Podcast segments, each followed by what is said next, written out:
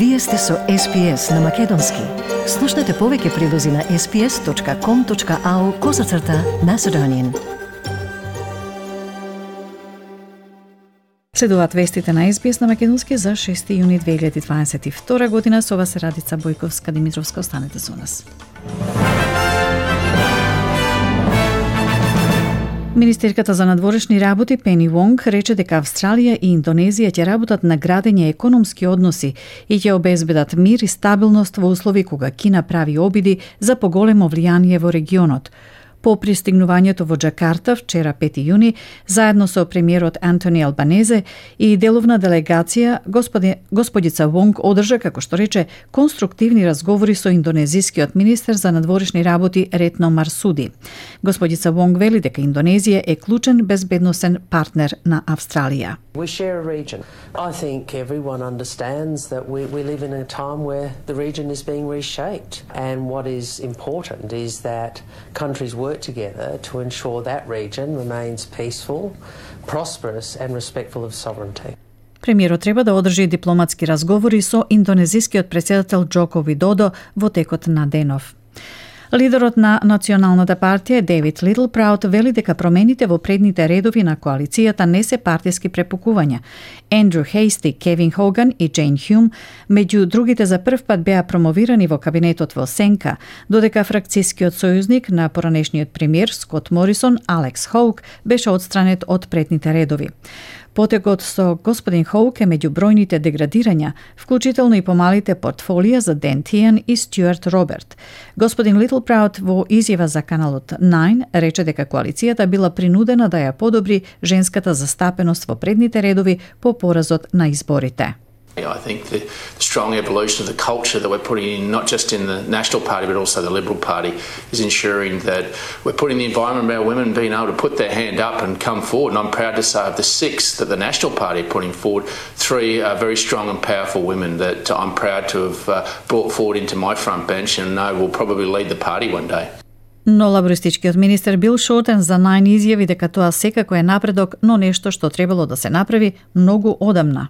It's certainly progress, but I mean, why did the Liberal Party always expect a bunch of flowers for discovering the 21st century? I mean, uh, I think the Liberal Party want a medal for doing what is obvious. So, to the extent they've done something obvious, that's good. But it's really going to take, I think, a, a lot more than just uh, uh, belated catch up politics. Опозицијскиот водач Питер Датон вети дека ќе се фокусира на практични решенија за домородните прашања додека го откриваше Министерството во Сенка.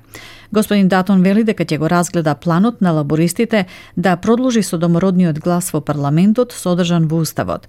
Но откако се најде на удар поради одбивање да учествува во извинувањето за украдените генерации во 2008 година, господин Датон рече дека има и други начини да се постигне напредок во домородните прашања, особено во регионалните и оддалечените места. There'll be a very specific focus from us on practical uh, ways in which we can provide support to Indigenous communities, uh, not just in capital cities, but obviously in regional and remote areas. I want to make sure that uh, uh we can increase uh, the support provided, the health outcomes, the education outcomes, the housing outcomes, uh, and as a team, we will be working on that because it's one of the most significant issues that, as a country, we have to deal with. Пратеникот на Либералната партија од Нов Јужен Велс, Джулиан Лесер, е назначен за портпарол на опозицијата за домородни прашања и правни работи. Министерката за ресурси Мерлин Кинг вели дека нема ништо друго што владата може да го направи на краток рок за да ги спречи зголемените цени на енергијата. Цените на бензинот се зголемија по војната во Украина и други проблеми со снабдувањето и енергетскиот регулатор дозволува ослободување на повеќе газ во југоисточните држави за да се олесни проблемот доколку владата на Албанезе го повлече така нареченото гасно активирање, со што извозот на газ ќе биде пренасочен за домашна употреба, ефектите нема да се почувствуваат дури до јануари. Господица Кинг изјави за ABC дека има тековни разговори со националните компании за газ, кои ја увериле дека прават се што можат за да го зголемат нивното снабдување. we do have to let these things work uh, and not have knee jerk reactions and try and intervene more because, to be honest, there's not much more any government could or should do in these times other than speak reasonably with the CEOs to see what they can do to uh, loosen some of the supply. Резервната банка на Австралија се очекува да ја подигне стапката на готовина утре 7 јуни поради зголемената инфлација. Економистите очекуваат зголемување меѓу 25 и 40 базични поени. Минатиот месец RBA ја зголеми стапката на готовина од рекордно ниско ниво од 0,1% на 0,35%, што беше прво зголемување по повеќе од една деценија. Има предупредување дека може да се очекуваат дополнителни зголемувања во наредните месеци со цел да се ограничи зголемениот притисок на цените врз австралиските домакинства. А службата за брза помош во Нов Јужен Велс ќе вработи речиси 2000 дополнителни болничари за да го подобри времето на одговор и недостигот на персонал. Во државниот буџет овој месец ќе бидат одвоени 1,76 милиарди долари за 4 години и ќе опфати изградба на 30 нови станици и финансирање на дополнителни 210 вработени за помош во брзата помош, како и 52 медицински сестри и 8 лекари. Комесарот и главен извршен директор на Нов Јужен Велс, Доминик Морган, за Sky News изјави дека изминативе две години довеле до огромен притисок врз веќе напрегнатата работна сила, со рекорден број повици до брзата помош.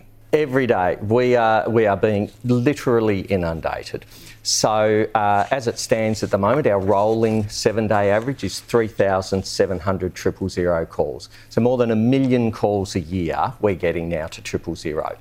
Посетата на министерот за надворешни работи на Русија Сергеј Лавров на Белград и натаму е неизвестна, откако Црнагора, Македонија и Бугарија го затворија нивниот воздушен простор за лет на неговиот авион, неофицијално дознава новости. Радио Слободна Европа извести дека Македонското министерство за надворешни работи потврдило за медиумот дека Македонија го одбила барањето на Москва да се дозволи прелет на авионот на Лавров. Српскиот председател Александар Вучиќ уште пред неколку дена изјави дека работите во врска со посетата на министрот за надворешни работи на Руската Федерација стануваат комплицирани.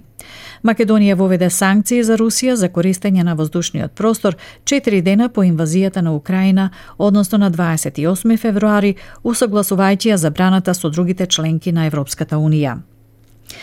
Српскиот патриарх Профири вчера во соборниот храм во Белград му го предаде томосот на поглаварот на Македонската православна црква господин господин Стефан, со што официјално се потврдува одлуката на Српската православна црква за автокефалност на Македонската православна црква и состава крај на 55 годишниот спор меѓу двете цркви. Српскиот патриарх рече дека Македонската православна црква, Охридска архиепископија, има услови што треба да ги исполни за да се организира во контекст на автокефална црква и препорача да најде соодветно име. Следно наред е процесот за стекнување на томос за автокефалност што двете сестрински цркви го очекуваат да биде доделен од страна на Вселенскиот патриарх Вартоломеј. Двопартиска група на сенатори од Соединетите држави се залага за реформа на законот за оружје, додека земјата се освестува од уште две масовни престрелки во рок од неколку часа едно по друго. Во Филаделфија, Пенсилванија, три лица загинаа, а најмалку 11 се повредени од истрели кои биле испукани во толпата во забавен кварт. Само неколку часа подоцна во Чатануга, Тенеси, три лица биле убиени, а 14 повредени во вооружен напад пред бар. Сенаторот Крис Марфи од редовите на демократите за CNN изјави дека преговорите за контрола на оружјето веројатно нема да резултираат со обсежни реформи, но може да се види зајакнување на проверките на лицето кое купува оружје и проширување на законите за одземање на оружјето доколку се смета дека некој е под ризик да се повреди или себе си или други. There's just a deep, deep fear for our children right now, and also a fear that government is so fundamentally broken that it can't put politics aside to guarantee the one thing that matters most to adults in this country the physical safety of their children. And so I think the possibility of success is better than ever before, but I think the consequences of failure for our entire democracy are more significant than ever. Украинските власти им го покажаа на новинарите местото на рускиот напад во Киев за да ги отфрлат информациите дека целната зграда била користена за поправка и складирање тенкови дадени од Европа. Нападот врз градот е прв од крајот на април. Руските власти тврдат дека во нападите биле уништени тенковите Т 72 испорачани од источноевропските земји и други оклопни возила. Но советникот во кабинетот на председателот водол Володомир Зеленски, Серхи Лешченко, ги отфрли руските тврдења, велите дека објектот бил цивилен и произведувал возила за железницата.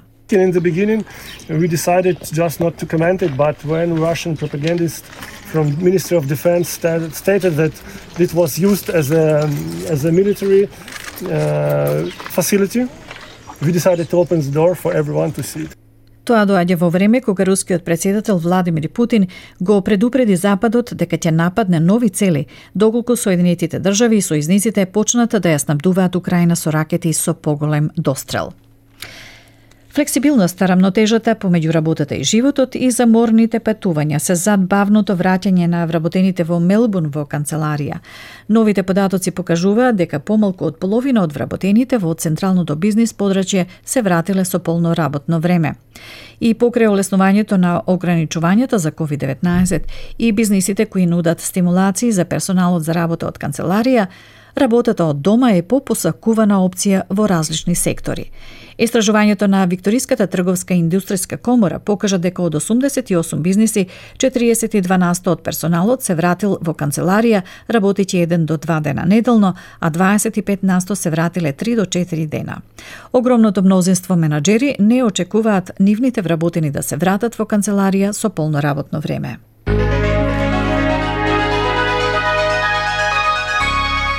Од најновата курсна листа, еден австралиски долар се менува за 0,67 евра, за 0,72 американски долари и за 41,07 македонски денари, додека еден американски долар се менува за 57 македонски денари, а едно евро за 61,09 македонски денари.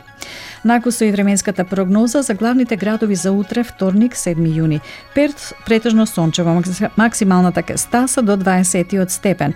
Разведрување за Аделаид 15. За вас во Мелбурн услови за дожд максимална 11. Хобарт врнежливо 9, врнежливо и за Камбера со максимално до 8 степени, Сиднеј претежно сончево 17, претежно сончево и за Бризбен 19, Дарвин претежно сончево 34, претежно сончево и за Алис Спрингс со максимално до 16 степени.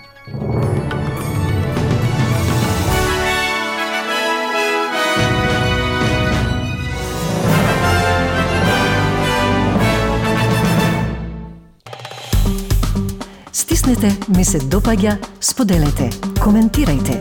Следете ја SPS на Македонски на Facebook.